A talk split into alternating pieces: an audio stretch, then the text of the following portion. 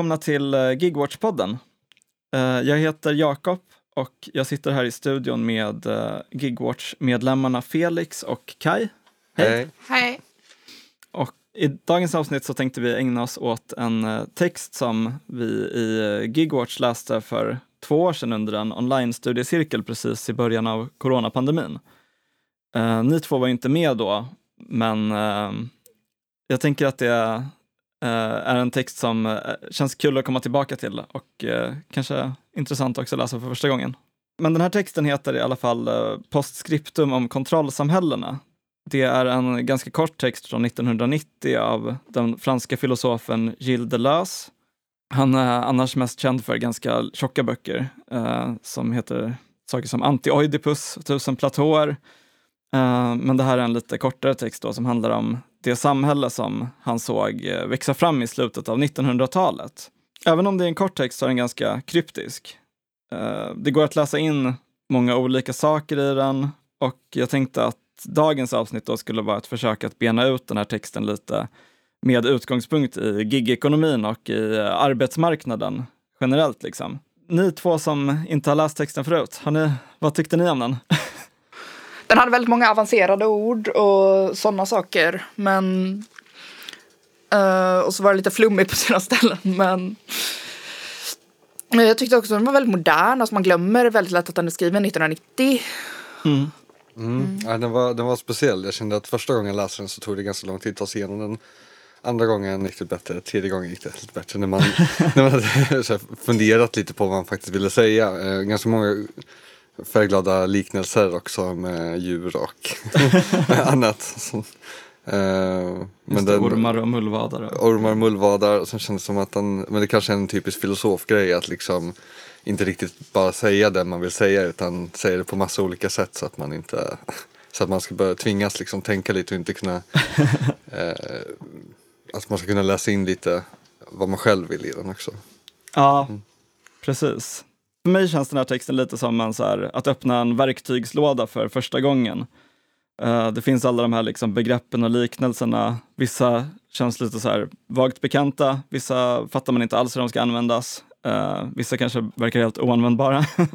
um, men man får liksom testa sig fram, kolla vilka delar av den som kan appliceras och användas på något sätt. Uh, och för mig har den gett mig lite liksom nya insikter om hur utvecklingen på arbetsmarknaden och till exempel gigekonomin hänger samman med förändringar i resten av samhället också.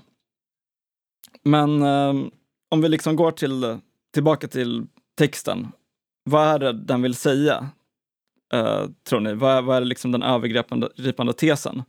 Jag tänker att jag försöker peka på ja, men samhällsutveckling och eh, kontroll. Eh, nu har jag inte jättebra koll på Foucault sen tidigare men eh, de pratar väl om generellt liksom hur samhället utvecklas och hur kontrollen av människor utvecklas. Eh, det är väl det som är kärnan i det. Precis, jag tänker att han liksom beskriver konturerna på något sätt av något samhälle som växer fram men eh, som kanske liksom inte riktigt hade mognat sen 1990 när texten skrevs. Eh, men som däremot har liksom kommit lite längre idag. Och han presenterar ju det här då i kontrast mot det så kallade disciplinsamhället. Där han, precis som du sa, liksom svarar mycket på Michel Foucault, en fransk filosof som du, du hade någon... Ja, alltså det enda jag känner till om Michel Foucault är väl att han säger att allting är ett fängelse och har en uh, turtleneck. Det är typ så jag känner igen honom. Eh, Typiskt han, fransman. han, precis. han kanske har sagt massa kloka saker tidigare men jag kommer också ihåg den där, det är väl han som pratar om den här eh, inte Omnicron, vad heter det? Det här fängelset, något Pantemonium, nej vad heter det där fängelset? Panopticon. Panopticon, exakt. Så det är kanske han som har pratat om det. ja, Eh, precis. och han kanske pratar mer om det här med suveränitetssamhälle och disciplinsamhälle för jag greppar inte det superbra. Som jag fattar det som var det här suveränitetssamhälle. Ja. Han går ju igenom de här tre olika samhällsformerna liksom. Eh, alltså ett som man kallar suveränitetssamhälle som är någon slags feodalsamhälle liksom. Uh, för industriellt. Och sen de här disciplinsamhällena som är lite mer liksom industrialism, välfärdsstat och Sådär. Och sen liksom det här nya som kommer då. Mm. Jag förstod liksom det att eh, under suveränitetssamhället så det var ingen kontroll eller, det var ingen organisering av arbetet utan att då var det mer typ tullar på saker, man betalade skatt på allting och det var så liksom, det kontrollerades. Mm. Och som disciplinsamhället så blev en annan typ av organisering av arbete liksom i fabriker och annat. Och sen kontrollsamhället är väl där mer som vi befinner oss nu i eller som han såg höll på att utvecklas där i, på 90-talet och med IT-boomen kanske också. Ja, precis. Och det är väl lite så här, finns lite oklara så här, orduppdelningar i den här texten. Det är kanske inte är helt tydligt vad som är skillnaden på disciplin och kontroll. Har ni några tankar kring det? Alltså, det känns som att eh, disciplinsamhällena så är det liksom väldigt mycket liksom en fysisk plats. Medan kontrollsamhällena så är det mer typ, ett mer typ en app, även om man inte beskriver en app så. Um, men att disciplinsamhällena är något, liksom en fysisk plats, typ en fabrik. Och kontrollsamhället är någon som har kontroll ovanifrån via typ ett företag eller en app. Mm. Precis. Och det är väl lite det här med liksom uh, att det här samhället var byggt utifrån någon tanke om att man ska disciplinera arbetare uh, och andra liksom uh, fångar, patienter, elever, folk i de här olika mm. institutionerna. Mm. Just att man skulle gå från skolan till kasernen, till arbetsplatsen, att det alltid skulle vara liksom en plats som man var bunden till som på något sätt där man har någon slags ledare eller arbetsledare eller något annat som säger åt en vad man ska göra.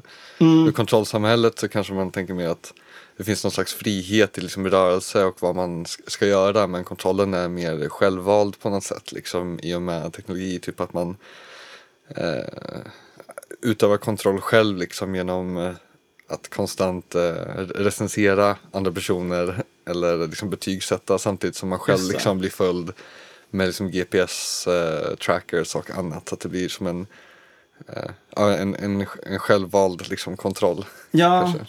men det, blir, det är det här med liksom att eh, om det tidigare var så att man typ det var någon ovanför en som bestämde vad man ska göra ungefär och utvärderade den och allt sånt där så är det som att eh, idag, alltså om man tänker då på gigekonomin framför allt, så är det som att de här, båda den här styrningen kommer från liksom olika håll, man får betyg av kunden, man får liksom arbete tilldelat av den här plattformen.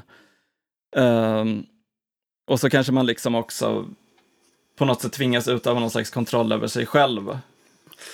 Ja men verkligen, och jag tänkte lite på det, för han citerade ju någon som heter Felix eh, Guttari. Mm. Guttari eh, som eh, hade skrivit någonting om att ja, men man, hela samhället, liksom, det var barriärer mellan olika delar av samhället liksom, till olika hus. Och då fick, för att kunna gå igenom de barriärerna så behövde man slags kort liksom, som man kan skanna av för att komma igenom de här liksom, fysiska barriärerna. Just det, någon slags framtidsvision. Typ, ja, exakt. Eh, och sen, och då kom fram, jag vet inte om det var en skönlitterär bok eller sånt där, det var väldigt kort, men då i alla fall att det är inte barriärerna i sig som är problemet utan datorn som styr det här liksom. Och att vissa dagar så kan det stängas av för en som inte kommer igenom vissa barriärer. Och det, då tänkte jag också väldigt mycket liksom på det här med gigsamhället och sånt där. Och eh, inte bara fysiska barriärer utan liksom mer om vilka som har tillgång till olika samhällsfunktioner eller vilka liksom, olika samhällspremier. Liksom, att fast anställning, trygghet och sånt, att det blir någon slags eh, barriär till sånt. Men även liksom direkt fysisk barriär för att man måste ta sig igenom en port för att typ leverera mat. Ja, Som man bara får tillgång till när man levererar någon mat liksom, sen ska man ut igen. Så det man kan konstatera är väl att det, liksom, det är väldigt mycket i den här texten som man kanske kan se en koppling till gigekonomin och till den moderna plattformsekonomin. Även om det liksom är, som sagt, den är ju skitgammal. Um, det är väldigt liksom, alltså om man tänker på vad internet var när den här texten kom så är det ju ingenting, det är ju knappt jämförbart med det som finns idag liksom. Så den är väldigt uh, framåtseende sådär. Ja, den här texten är ju från 1990. Uh, eh, gigekonomin uppstod under 2010-talet. Uh, även om Uber grundades liksom 19 år efter att texten skrevs så finns det många beröringspunkter mellan innehållet i texten och gigekonomin. Vilka beröringspunkter ser ni liksom när ni läser den? Alltså när man ser lite är ju hur om, vi pratade om det här med suveränitetssamhällena tidigare, att det var, så här, det var ingen kontroll eller organisering av arbetet. De här feodala liksom. De här feodala, så, här, så att då var det mer typ att nej, man skulle betala tullar och skatter för det man gjorde. I övrigt fick man göra lite som man ville. Typ. Alltså sen var man ju livegen och sånt såklart så det var ju inte riktigt på samma sätt. Men, Mm. men typ med Uber till exempel och de här andra Bolt eh, och chaufförgrejerna. Då är det lite samma sak nästan att man eh, det är liksom det är ingen som organiserar arbetet egentligen utan det är bara mellan kund och eh, chaufför. Eh, och det enda man måste göra liksom som del av den här organiseringen av arbetet det är att liksom betala sin skatt på det, liksom sin avgift egentligen. Så på något sätt så är det som en liksom om man drar liksom det här kontrollsamhället längre till det har hamnat i så blir det ju någon slags digital feudalism Mm. på det sättet. En återgång till det suveräna samhället. Du tänker lite på det här med liksom hur, eh, hur liksom under feodalismen eller till exempel statarsamhället i Sverige, att det var den här att man jobbade på någons ägor liksom. Och sen så för att få använda dem och bruka jorden till exempel, så behövde man betala någon, så här, en tiondel av typ allt vete man skördade. Ja men precis, att vi är inne i någon slags, eh, där den här liksom tomten som man jobbar på, som man får bo på, i Mm. är, är den här appen istället. Just det. Så det är, vi är su- suveränt livegna. Ja. Har du några tankar om beröringspunkter mellan texten och gigekonomin, Kaj? Det var ju någonting om typ såhär eh, prestationslöner. Mm. Och det är ju verkligen inom gigekonomin att liksom i och med att man bara får framförallt om man tar typ betygssättningen och så. Att om man får sämre betyg. Du tänker att eh, lönen liksom är beroende av eh, betyget och... Ja men alltså man får ju typ inga jobb om man får sämre betyg och då blir det ju den här prestations... eh, Jag kommer inte ihåg exakt vad det var men det vad det var för term han använde men det var eh, någon sån här typ prestationslön eller något. Man jobbar på ackord. Ja. Typ, när man bara, du får inte betalt för, liksom, eh, för tiden du lägger ner utan bara den färdiga produkten Ja. egentligen. Precis. Just det, för att han pratar ju, alltså apropå båda det, både, det båda ni har sagt, så pratar de ju om liksom att vissa saker kan återvända från de här tidigare, det kanske du sa förresten. Men liksom att de har lite modifikationer då.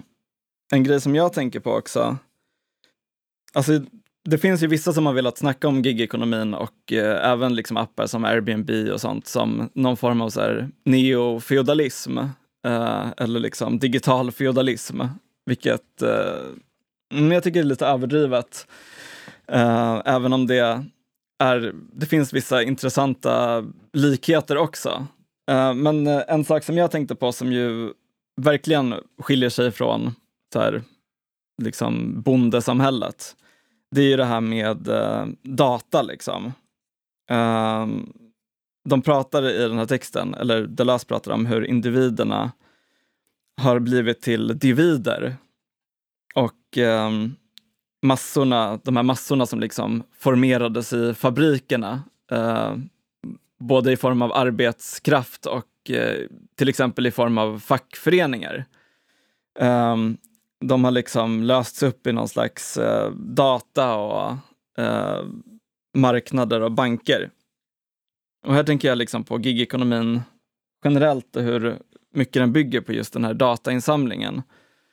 Um, där individen på något sätt suddas ut ganska mycket och även liksom idén om att tillhöra någon slags massa eller typ arbetarkollektiv. Även den blir ganska luddig liksom. Om man kollar på sådana här plattformar som till exempel Clickworker, Amazon Mechanical Turk. Den här liksom mest eh, abstrakta formen av gigarbete typ med att eh, tagga bilder och göra små, jag vet inte, kategoriseringar av data typ. Um, här blir liksom arbetaren eller arbetet ett helt dolt och det enda som kunderna eller företagen ser är den här datan som man producerar. Uh, och det känns ju som en ganska ny grej liksom.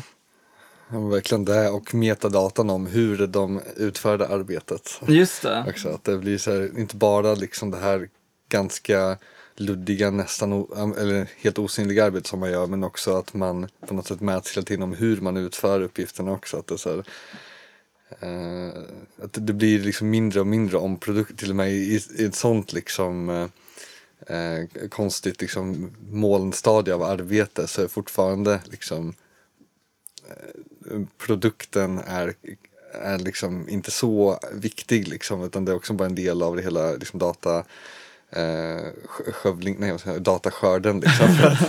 Dataskövling. dataskörden, dataskörden för det också handlar så mycket om bara, men hur utförde du uppgiften, hur lång tid tog det, att allting blir så här mätbart in i millisekunderna liksom. Ja, just det. Mm, då går man ju tillbaka till det där med typ eh, betygssättning fast det är typ inte, fast det är typ betygssättning via en algoritm istället för från, direkt från kunden. Mm. Det blir lite liknande. Ja, men verkligen. Och det här också, ja, men som du var inne på eh, Felix, med att eh, alltså på något sätt är det datan om arbetet som är produkten, att den säljs vidare. Det är det som är liksom den dyra produkten man skapar. Ja precis, det. Eh, och en annan grej som jag tänkte på eh, i den här texten, eh, det är just det här med att, eh, att han pratar om hur de här institutionerna håller på att lösas upp. Eh, det är inte liksom tydligt om du är sjuk eller arbet, alltså sjukskriven eller arbetande. Det är inte tydligt om man är håller på med, alltså om man blir utbildad eller arbetar med liksom all den här fortbildningen som finns eller med olika praktik eh, praktikplatser och sånt. Um, men det som framförallt kanske har uh, en, som är en intressant aspekt när man kollar på gigekonomin, det är ju upplösningen av skillnaden mellan kategorierna liksom arbetare och arbetslös. Förstår ni hur jag tänker? Ja, jag tycker att man är så här, eh, nu har vi den här nya kategorin som är undersysselsatt istället. Att det är så här, Mm. man får aldrig vara riktigt helt arbetslös och bara så vänta tills man får sitt nya jobb och kunna ha liksom en vanlig fast anställning och så. Utan nu är det så här, ja men man ska ha något eh, vad de pratar om, metastabilt stadie där man har någon slags inkomst eh, fast ändå inte riktigt tillräckligt för att överleva och man ska alltid eh, vara eh, på väg ur det. Alltså jag förstår ju att det är klart att det finns en poäng med att man ska försöka, är man i arbetslös så ska man försöka ta sig ur det också. Det är väl det som är poängen med Alltså poängen från uh, myndigheternas Ja, från, från myndigheterna, från de här kontrollinstitutionerna. Liksom. Mm. Men det, vad ska säga, det suddas ut mer och mer att man, eh, även fast man på pappret kan verka eh, arbetslös så har man ändå sådana här sidosysslor hela tiden som hå- håller en vid liv på något sätt. Mm. Och även hur, liksom, hur anställningsformerna ser ut i gigekonomin. Att man är ofta typ anställd per uppdrag och sen så, så fort uppdraget är slut så är man i praktiken arbetslös. Um, och det, känns, det finns väl också liksom en spegelbild till det på något sätt i hur eh, till exempel a-kassan organiseras idag. Det har ju till exempel Roland Paulsen skrivit mycket om. Att uh, det här med att Arbetsförmedlingen har gått från att förmedla jobb, eh, vilket det låter ju på namnet som att det är det de ska göra, till att bli väldigt mycket en kontrollinstitution, liksom, som till exempel kontrollerar då att man lägger ner en massa energi varje vecka på att söka jobb. Eller som till exempel med det här fas 3-programmet som många kanske minns. Uh, jag tror inte att det finns längre va? Men det var ju att liksom, långtidsarbetslösa skulle tvingas ut i arbete för att få a-kassa.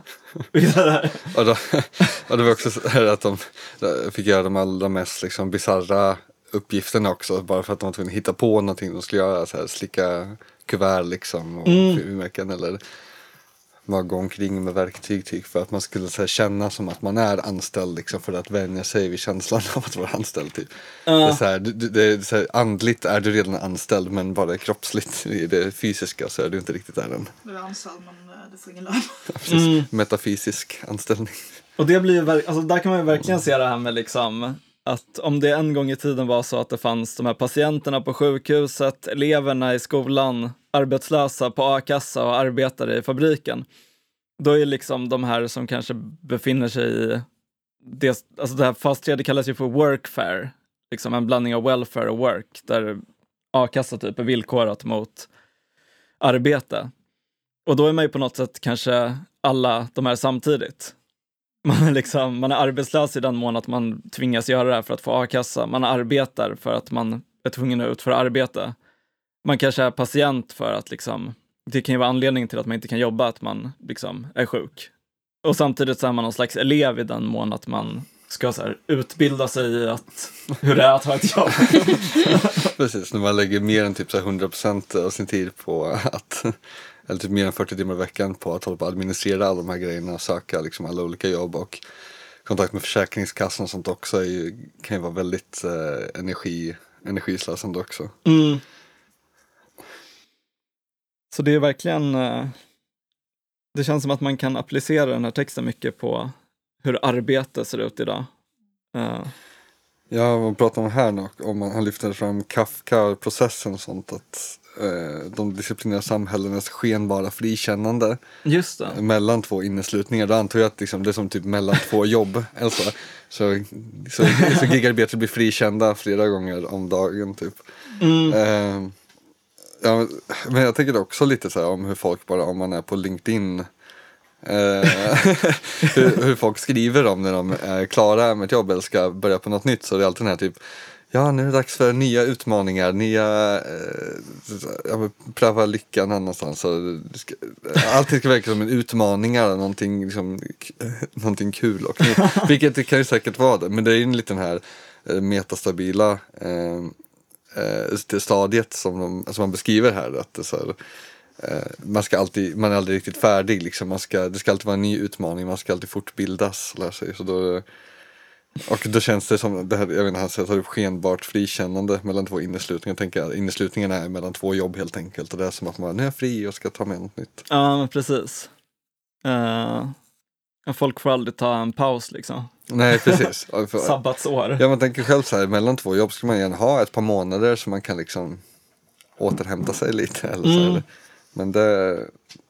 Jag kommer ihåg att när jag var typ så 20 så hade jag kompisar som åkte till eh, typ Australien på någonting som de kallade för working holiday. Ja, jag hade ett sånt. Ah, okay, working okay, holiday visa. Ah. det är också lite... det var jäkla frikört. Jag åkte dit och jobbade som au pair. Ah. Eh, ett tag och sen på typ eh, på biltvätt och eh, på hotell och sådär. Jag var jäkligt fattig. typ både på gatan ett tag. Men det är typ så att man så här man, man, får typ åka till Australien och bli livegen på någon farm. Ja men exakt, det är, uh, det är holiday, det är att man åker bort. Och sen working är ju, ja du måste just jobba. Det. Holiday är typ att det är varmt. Ja det är varmt och skönt och det finns stränder. Så det kändes ju bra, för det var ju så här, jag tänkte också att ja, men då kommer jag ha jättemycket fritid på saker. Men jag var i det här huset eh, med en familj som i och för sig var väldigt snälla och trevliga så. Men jag fick ju väldigt lite pengar så jag hade inte råd att göra någonting. Jag var ju typ bara i det där huset. Liksom. man... Men eh, jag tänker så här, om man ser liksom att eh, det fanns de här eh, fabrikerna och så. om, om, om, eh, om, man säger att tesen i texten lite är att fabrikerna var någon slags här dominerande form för arbetet under 1900-talet. Men att det inte är så idag. Um, vad tänker ni att det, hur har det kunnat bli så? Va, varför, varför, behöv, eller varför behövde man en fabrik? Varför behöver man det inte längre? Alltså, storlek var det ju för att kunna liksom övervaka äh, arbetarna och så här, och det går ju att göra nu via, så här, jag tror de skriver så här, äh, en kontrollmekanism som i varje ögonblick anger ett elements position. Och alltså, Just det. det är typ mobiltelefoner. Och man kan ju liksom, vissa gigakappar kan ju man ju till och med följa så här, sitt lilla Foodora-bud medan de åker. Mm. Mycket sådana paketappar liksom. Typ du kan se vart ditt paket är. Mm. Jag tänker också att det, det, har väl väldigt mycket med generellt att göra med avindustrialiseringen också av Sverige. Att det typ, därför har kunnat hända att vi exporterat all, all industri till andra länder. Då måste vi ersätta det med mm. annat. Och vi har liksom det här tjänstesamhället nu med nästan alla jobbar liksom inom tjänstesektorn. Att det, det, finns, det behövs liksom inte en tydlig fast plats där man sitter och producerar, där alla står liksom och allt råmaterial finns liksom för att bygga saker eller sätta ihop saker.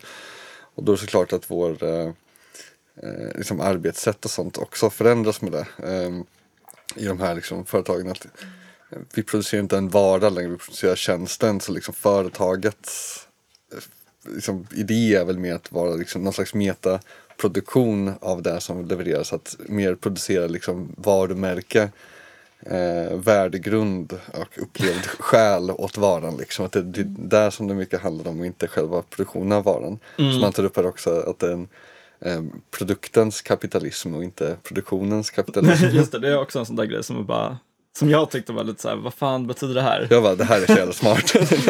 du tyckte det var smart. det här är smart, det här skriver jag. vad, vad tolkade du in i det då? Men jag tänkte att mer så att, ja, men, som jag sa, att det inte handlar så mycket om att, att producera varan utan att så här, producera själen åt varan. Liksom, Ah, att vi, okej. vi företagen nu ska göra väldigt mycket ja, men marknadsföring och sen bygga in liksom företags värdegrund i det. Liksom. Så när man köper en speciell produkt så köper man inte bara produkten utan även den identiteten som produkten innebär också, eller den som, som företaget levererar med den. Ehm, ehm, Just det, det är lite, visst är det Lush som har eh, haft en så här, eh, jag vet inte, de har försökt utmåla sig själva som någon slags aktivist-brand liksom. Mm. Eh, Mm, och att man, vad sa du? Ja men så det är så här, de har så här fight animal testing Ah. eh, påsar och Mm. Och så, så ja, jag för mig att de också har sagt något så här, typ, ja men om du är vår kund så är du en aktivist eller något sånt. Och det är väl också, ja, det känner man igen från andra ställen också. Men han beskriver ju också så företaget som en gas eller en ande. Liksom, Ja. Att det är något som man inte kan ta i. Liksom. Och det, det känns ju också väldigt mycket. Alltså här, man tänker tidigare när man var och jobbade på en fabrik. Man byggde någonting säger man. Eller gjorde någonting ganska praktiskt.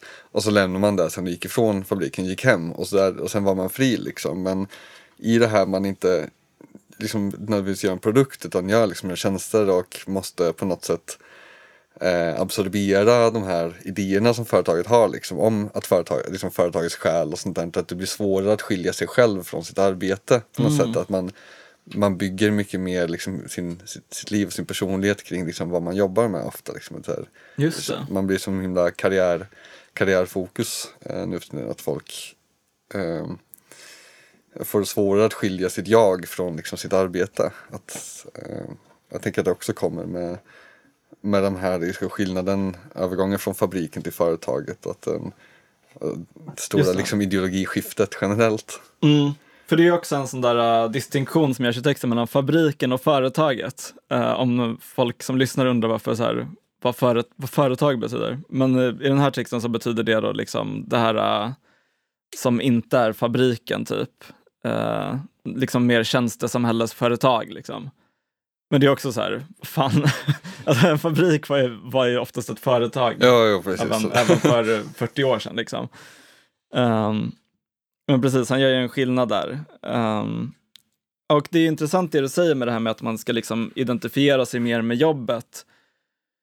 För samtidigt som den grejen finns så finns det också, som texten beskriver, en liksom, alltså att man försöker tvinga fram någon slags konkurrens inom företagets ramar. Att folk ska liksom, det finns väldigt många företag att det finns olika team som liksom ska lite tävla mot varandra. Um, I gigekonomin ser man ju det också jättetydligt. Uh, med det här med liksom, till exempel på Foodora så ska man väl hålla sig över ett visst medeltal liksom för att vara säker på att få vara kvar på företaget. Och det är inte, det kanske inte ens är tävlan i sig, men det innebär ju också att du måste vara bättre än 50 procent. Eh, även om det, ja, men det är det som finns bakom de här siffrorna. Liksom. Jag tänkte också på det här med eh, att gigföretagen ofta har den här, de har också någon slags dubbelhet där eh, i att eh, folk ska dels identifiera sig med företagen och dels ska de liksom inte alls vara knutna till dem. Och då tänker jag på det här med att eh, de som jobbar där ska liksom kallas för så här, ja, jag är inte en arbetare utan jag är en helper, eller jag är en eh, Jeppe på Jepster, eller jag är en eh, juicer på Lime. Alltså, liksom, det finns den här, eh, jag vet inte, man ska på något sätt identifiera sig med företaget samtidigt som de inte vill kännas vid den. Liksom. Man ska vara en ambassadör, konstant en ambassadör för företaget men man ska aldrig få någon slags trygghet från det heller. Som, eh, Ja, men precis. Ja, ha på sig liksom kläder med eh, loggan och eh, från topp till tå liksom. Ja, men det känner man igen liksom från företag generellt också. Man jobbar, eh, alltså, även fast man har trygga eh, anställningar så ska man ju konstant påminnas om att man är en ambassadör för företaget. Om man går tillbaka- Jag menar det här med att det är svårt att skilja sitt jag från arbetet. Att så här, man, ser att vad man ska tänka på vad man skriver online eller hur man pratar om företag runt om för att man ska alltid vara en ambassadör för liksom märket på något sätt. Precis som Eh, sen är det klart det är svårare för gigarbetare på något sätt. För det, som också ska vara ambassad, ambassadörer för märket men inte få- får ut någonting gott utan bara får det dåliga av det egentligen. Som, om någon är lite missnöjd med servicen så kan man ge dåliga betyg eller något sånt där och då, då, då sänker den liksom eh, ens möjlighet att få, få mer jobb. Mm. Just det, det här, eh, han beskriver ju företaget, eller liksom det moderna tjänsteföretaget som den här eh, anden eller gasen liksom. Vad tänker ni att det, hur tänker ni att det påverkar eh, möjligheterna till till exempel organisering eller motstånd eller sådär? Om den här liksom fasta arbetsplatsen eller den här fasta punkten liksom saknas typ. Mm, det blir liksom svårare att få kontakt med eh, sina arbetskamrater om man inte har liksom en gemensam fysisk plats att träffas på.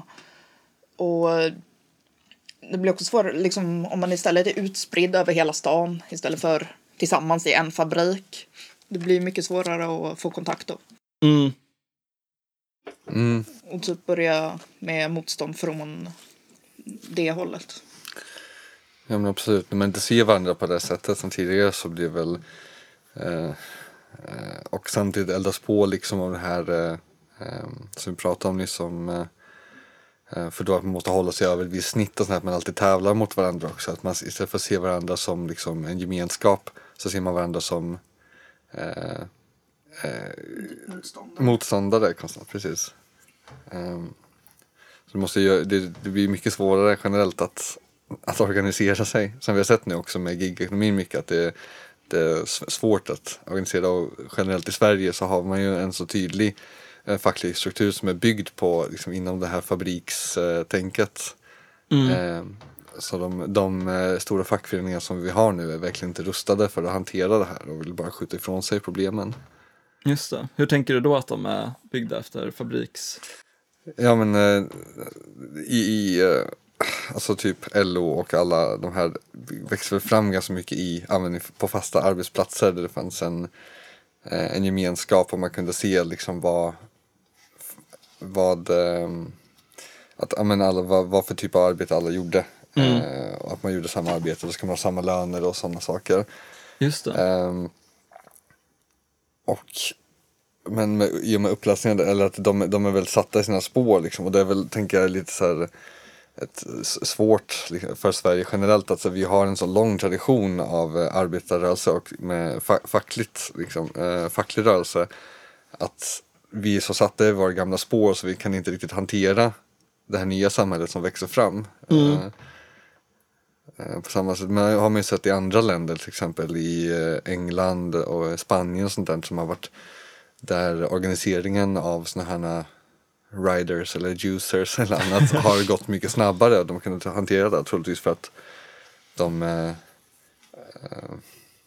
Ja, jag vet inte varför. Det är lite motsägelsefullt att vi, vi som Sverige som har så lång tradition av just fackförening och fackrörelse inte kan hantera det och andra länder som inte har det kan göra det. Mm, verkligen. I texten så går Deleuze inte riktigt in på vad övergången från disciplinsamhälle till kontrollsamhälle beror på. Har ni några tankar och idéer kring det? Liksom? Vad, var, vad är det som ligger bakom den här övergången? Eh, vad, vad tror ni att eh, han utgick från när han skrev den här texten? Typ? Det är väl mycket typ digitalisering och sånt. Mm. Det är ju en väldigt viktig del.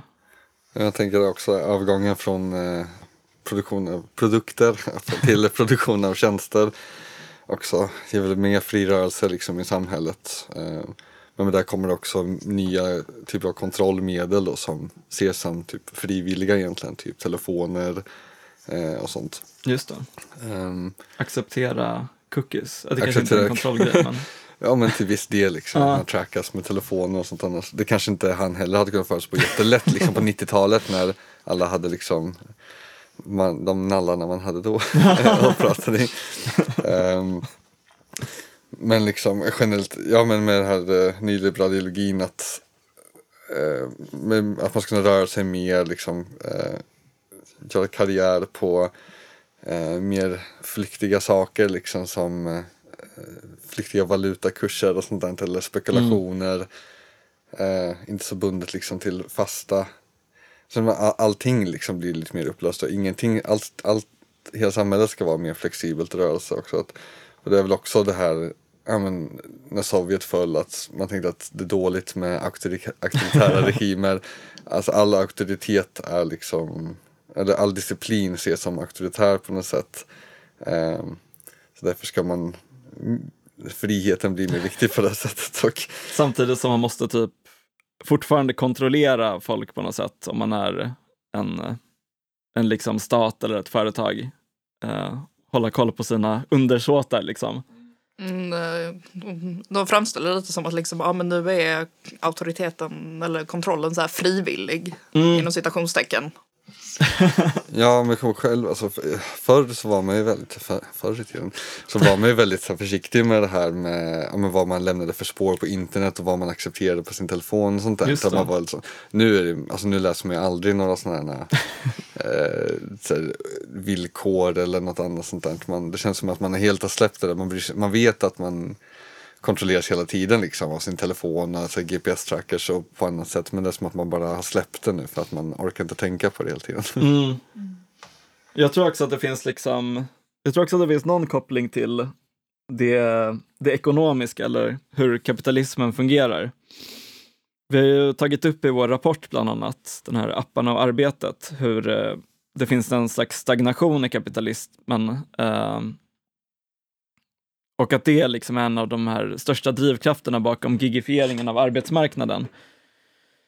Och eh, i en ekonomi som inte växer så snabbt som den gjorde under till exempel efterkrigstiden, då blir det ju allt viktigare för arbetsgivare att liksom skära ner kostnader snarare än att typ återinvestera pengar.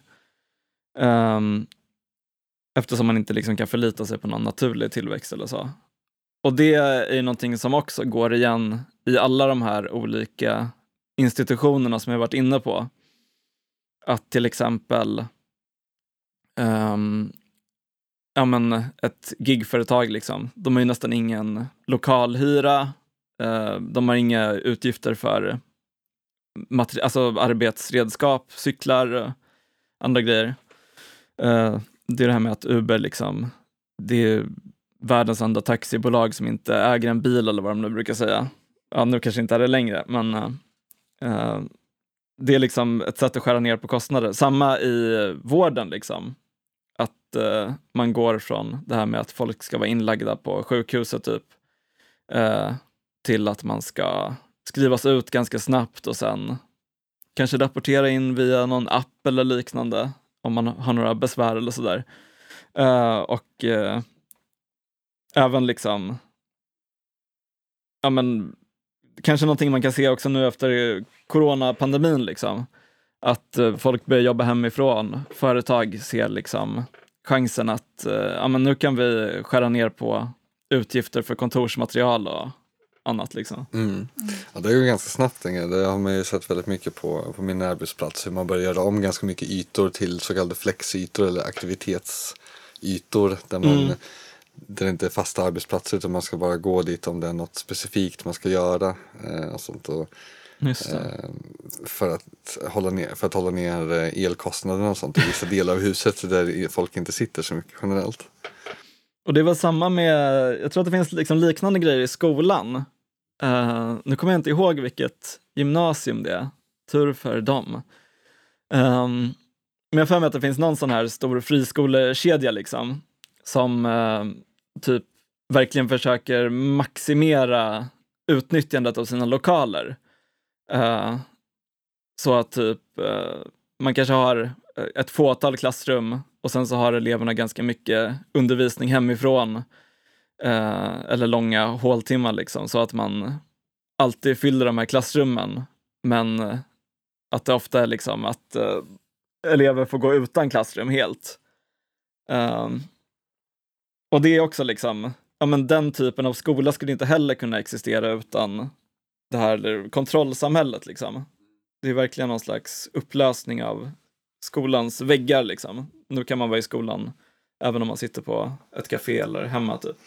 Ja just det, det var väl, jag såg någon på eh, någon ICA typ i Liljeholmen och sånt där Stockholm som hade klagat på det att de här skollokalerna att det inte fanns några ytor för eh, eleverna att vara på under sina håltimmar och sånt så att alla hängde inne på ICA. alltså, så här, de har effektiverat det så hårt så att de, de har glömt bort att så här, de måste ju ha någonstans att vara på också Just under det. den här tiden.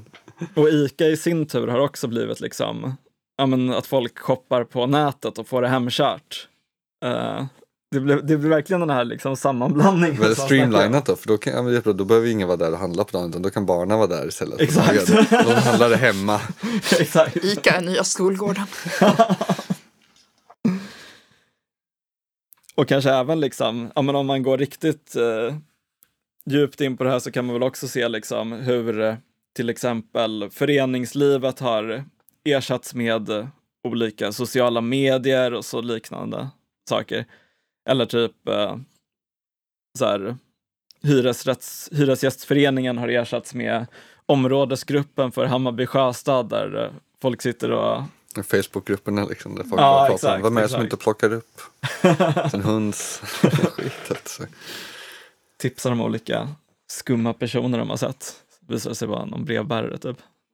Men eh, ja, om vi går vidare till att snacka lite om vad man kan göra mot det här samhället. Eh, för texten tar ju upp eh, bland annat då fackföreningarna och beskriver dem som inkompetenta i att hantera övergången från disciplinsamhälle till kontrollsamhälle. Vilket också lät så här, oj nu har jag sagt typ tusen gånger att den här texten är skriven 1990. Men det är ändå lite roligt liksom. Jag vet inte om... Idag kanske man skulle liksom se fackföreningarna 1990 som ganska nice jämfört med dagens.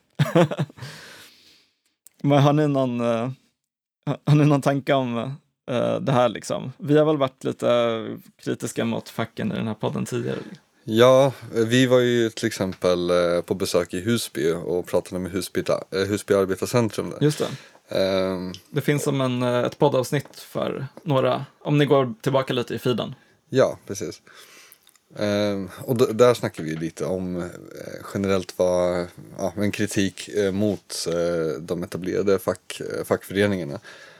För ofta har vi ju försökt hålla av oss till till exempel Transport och försökt lyfta fram de här frågorna men de eh, eh det, det, de tar inte riktigt emot kritiken utan de, eh, de säger ju bara att om de inte är anställda så kan de inte få hjälp till exempel. Om de Mm. är egna företagare så kan de inte få hjälp av facken utan då ska de organisera sig själva.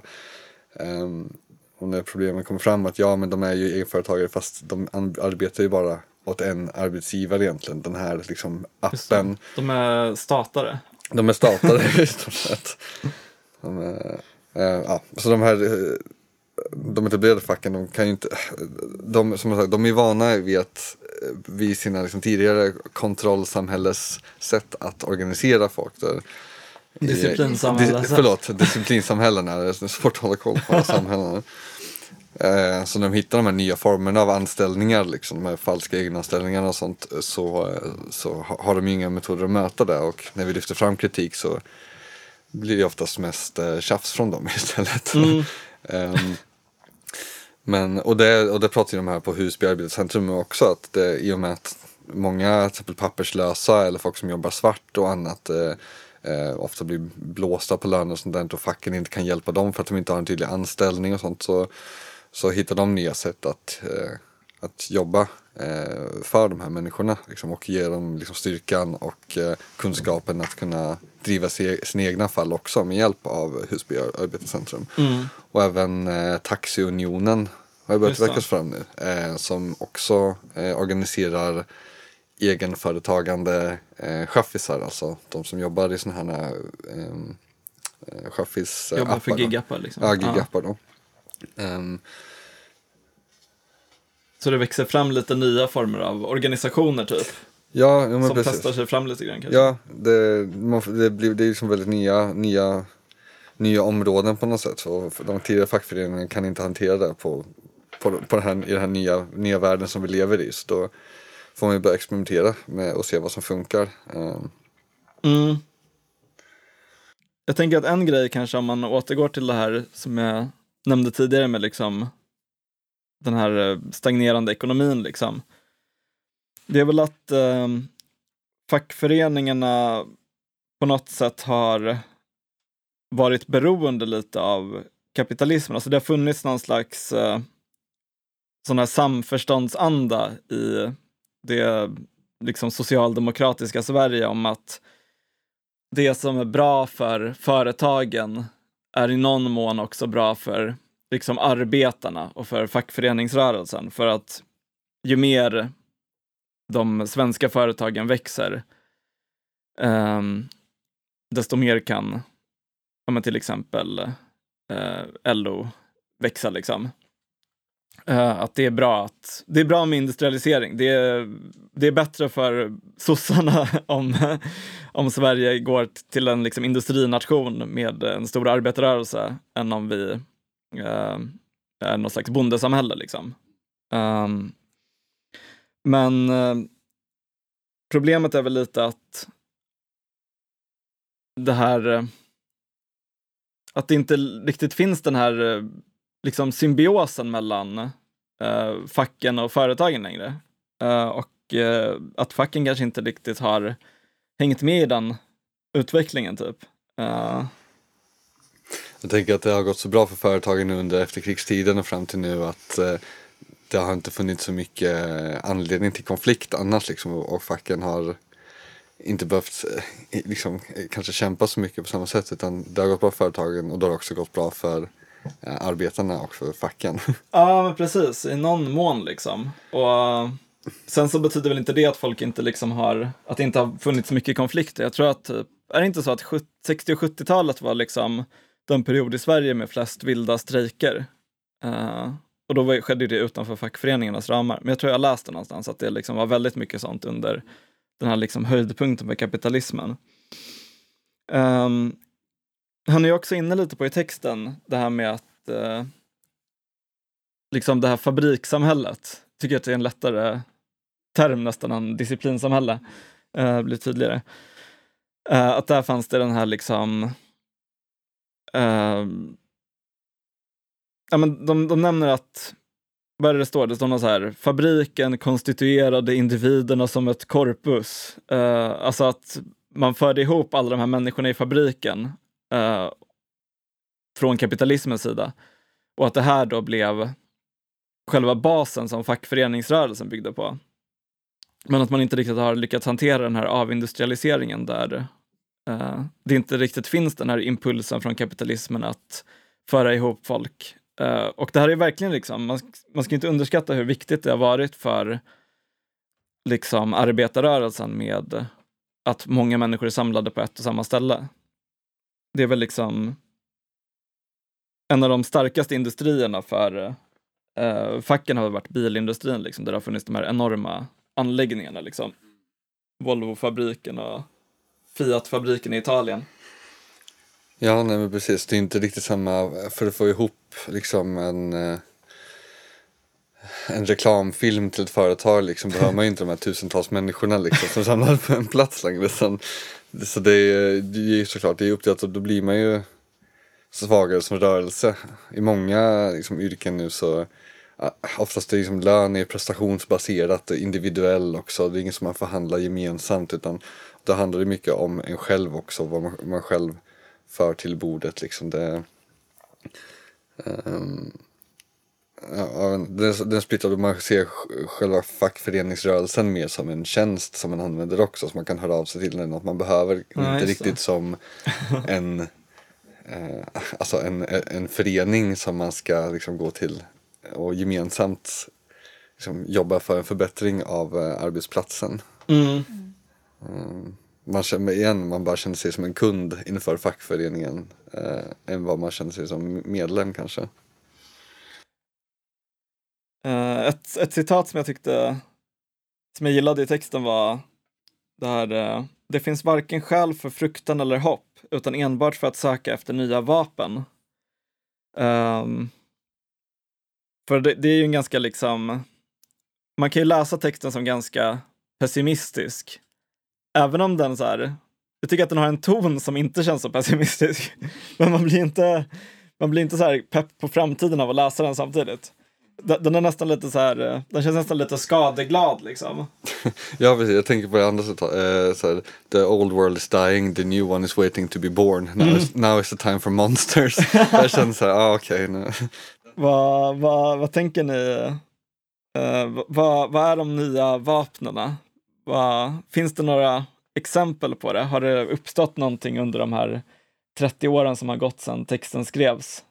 Eller letar folk fortfarande efter dem? Ja, ett fasen. Det är ju, alltså, man har väl sett, alltså de nya vapnen är väl, vad ska man typ, det gamla vapnen är väl ja, fackföreningarna liksom. Det är väl det som man ska kunna använda men det känns som, ja, jag vet inte, det känns som jag fortfarande liksom letar efter va- nya vapen också. Det är som man får ju hopp när man läser om, eller så här, pratar med Husby Arbetarcentrum eller hör om Taxiunionen och eh, vad heter de i London eh, som körde mot Deliveroo. Uh, kommer inte ihåg vad facket hette, det var någon uh, bokstavskombination liksom. Uh, International IWGB. Workers something something. Eh, nya vapen, nedröstningskampanjer Ja, på, på Playbutiken. det är vår nya chiv liksom, som man kan sticka bakom. Inte så välutvecklat högteknologiskt vapen kanske men det är någonting. Nej, men jag tror nog också att det fortfarande liksom tyvärr är något slags eh, sökande som pågår liksom. Eh, och att uh, ja, men många kanske är lite fast i det som har funkat historiskt. Uh, men det som krävs kanske är att man, vet inte, testar något nytt. Eller det är, det är liksom på något sätt eh, det här med arbetarorganisering är ju någonting som man aldrig kommer ifrån som nödvändigt liksom. Ja, Det kanske inte är det som är det man ska överge. Nej, precis. Alltså jag tror ju också att liksom vägen framåt är organisering av arbetare. Och jag tror att det finns väldigt mycket potential fortfarande i de gamla liksom, stora fackföreningarna. För det är ju fortfarande väldigt många människor med där. Jag tror bara att man måste på något sätt nå fram till dem och säga att nej men ni måste eh, utvecklas. Ni måste börja ta er an de här andra människorna som står utanför. Även fast de inte är anställda av ett företag så jobbar de ju uppenbarligen mest åt ett företag. Och även fast de kanske räknas som egenföretagare så har de ju ingen liksom egentlig autonomi på arbetsmarknaden heller. De, alltså arbetsledningen sker ju helt och hållet från, eh, från de här apparna. Egentligen. Och eh, bara för att man inte hela den här grejen med att vem som räknas som arbetstagare eh, är ju också utgår från någon slags praxis liksom om vem det är som eh, tillhandahåller eh, arbetsredskap och alltså arbetsgivarbegreppet definierar sig utifrån om man är arbetstagare eller inte. Och man är arbetstagare om man fyller en viss liksom ett visst antal kriterier egentligen. Eh, men de har ju de här appföretagen har ju på något sätt lyckats skjuta ifrån sig så mycket ansvar så att de inte längre kan ses som arbetsgivare. Och det är väl där man måste kolla närmare på egentligen och eh, liksom på något sätt tydliggöra det för de större fackföreningarna också att här, här finns de här luckorna och ni som sitter på alla de här eh, liksom, eh, på, på medlen för det här som är pengar och personal som är där borde ändå kunna i alla fall sitta ner och ha typ en eller två studiecirklar och prata om det här liksom hur man ska, hur man ska bemöta det. Så jag tror väl lite att det, det är väl ett av de nya vapnen, liksom att kanske vässa de gamla vapnen som vi har. Just det. Jag tänker också liksom, vi har pratat lite om det här med de här kategorierna som löses upp liksom. Eh, och det kanske också är någonting som liksom eh, facken och liksom inom citattecken arbetarrörelsen måste ta till sig. Att på något sätt så finns inte de här kategorierna så tydligt längre. Alltså frågan är lite, är det en arbetarrörelse som vi vill ha eller som behövs eller som liksom är det, det rätta formatet för att eh, liksom kontra gigekonomin? Eller behöver man se bortom de här fasta kategorierna? Att det, det kanske inte är så idag att arbetare och arbetslösa till exempel har eh, liksom skilda intressen utan att man har ganska lika intressen i en högre grad än man hade i det här liksom fabriksdisciplinsamhället. Mm. Men tänker du på typ eh, eh, basinkomst och så då också? Att, eller att, som, en, som en lösning för att till exempel att så här, eftersom kategorierna suddas ut så mycket mellan arbetslös och eh, arbetstagare att man bara är undersysselsatt inte att alla skulle ha någon slags basinkomst istället.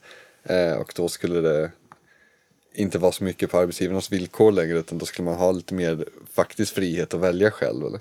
Uh, ja men precis, det skulle ju vara en sån grej som man kan liksom kolla närmare på. Uh, sen så finns det säkert många nackdelar och fördelar med det, precis som allt annat. Eh, men att man liksom på något sätt försöker hitta en ny utgångspunkt i vad det är man vill åstadkomma. Eller, och hur man vill åstadkomma det. Tack för att ni lyssnade på dagens avsnitt av Gigwatch-podden. Podcasten görs av Gigwatch. Vi är en organisation som granskar gigekonomin. Eh, om ni vill läsa mer om oss, gå gärna in på www.gigwatch.se. Om ni vill stötta oss kan ni göra det på patreon.com gigwatch. Mm. Tack så mycket och tack till producenten Lovina. tack så mycket.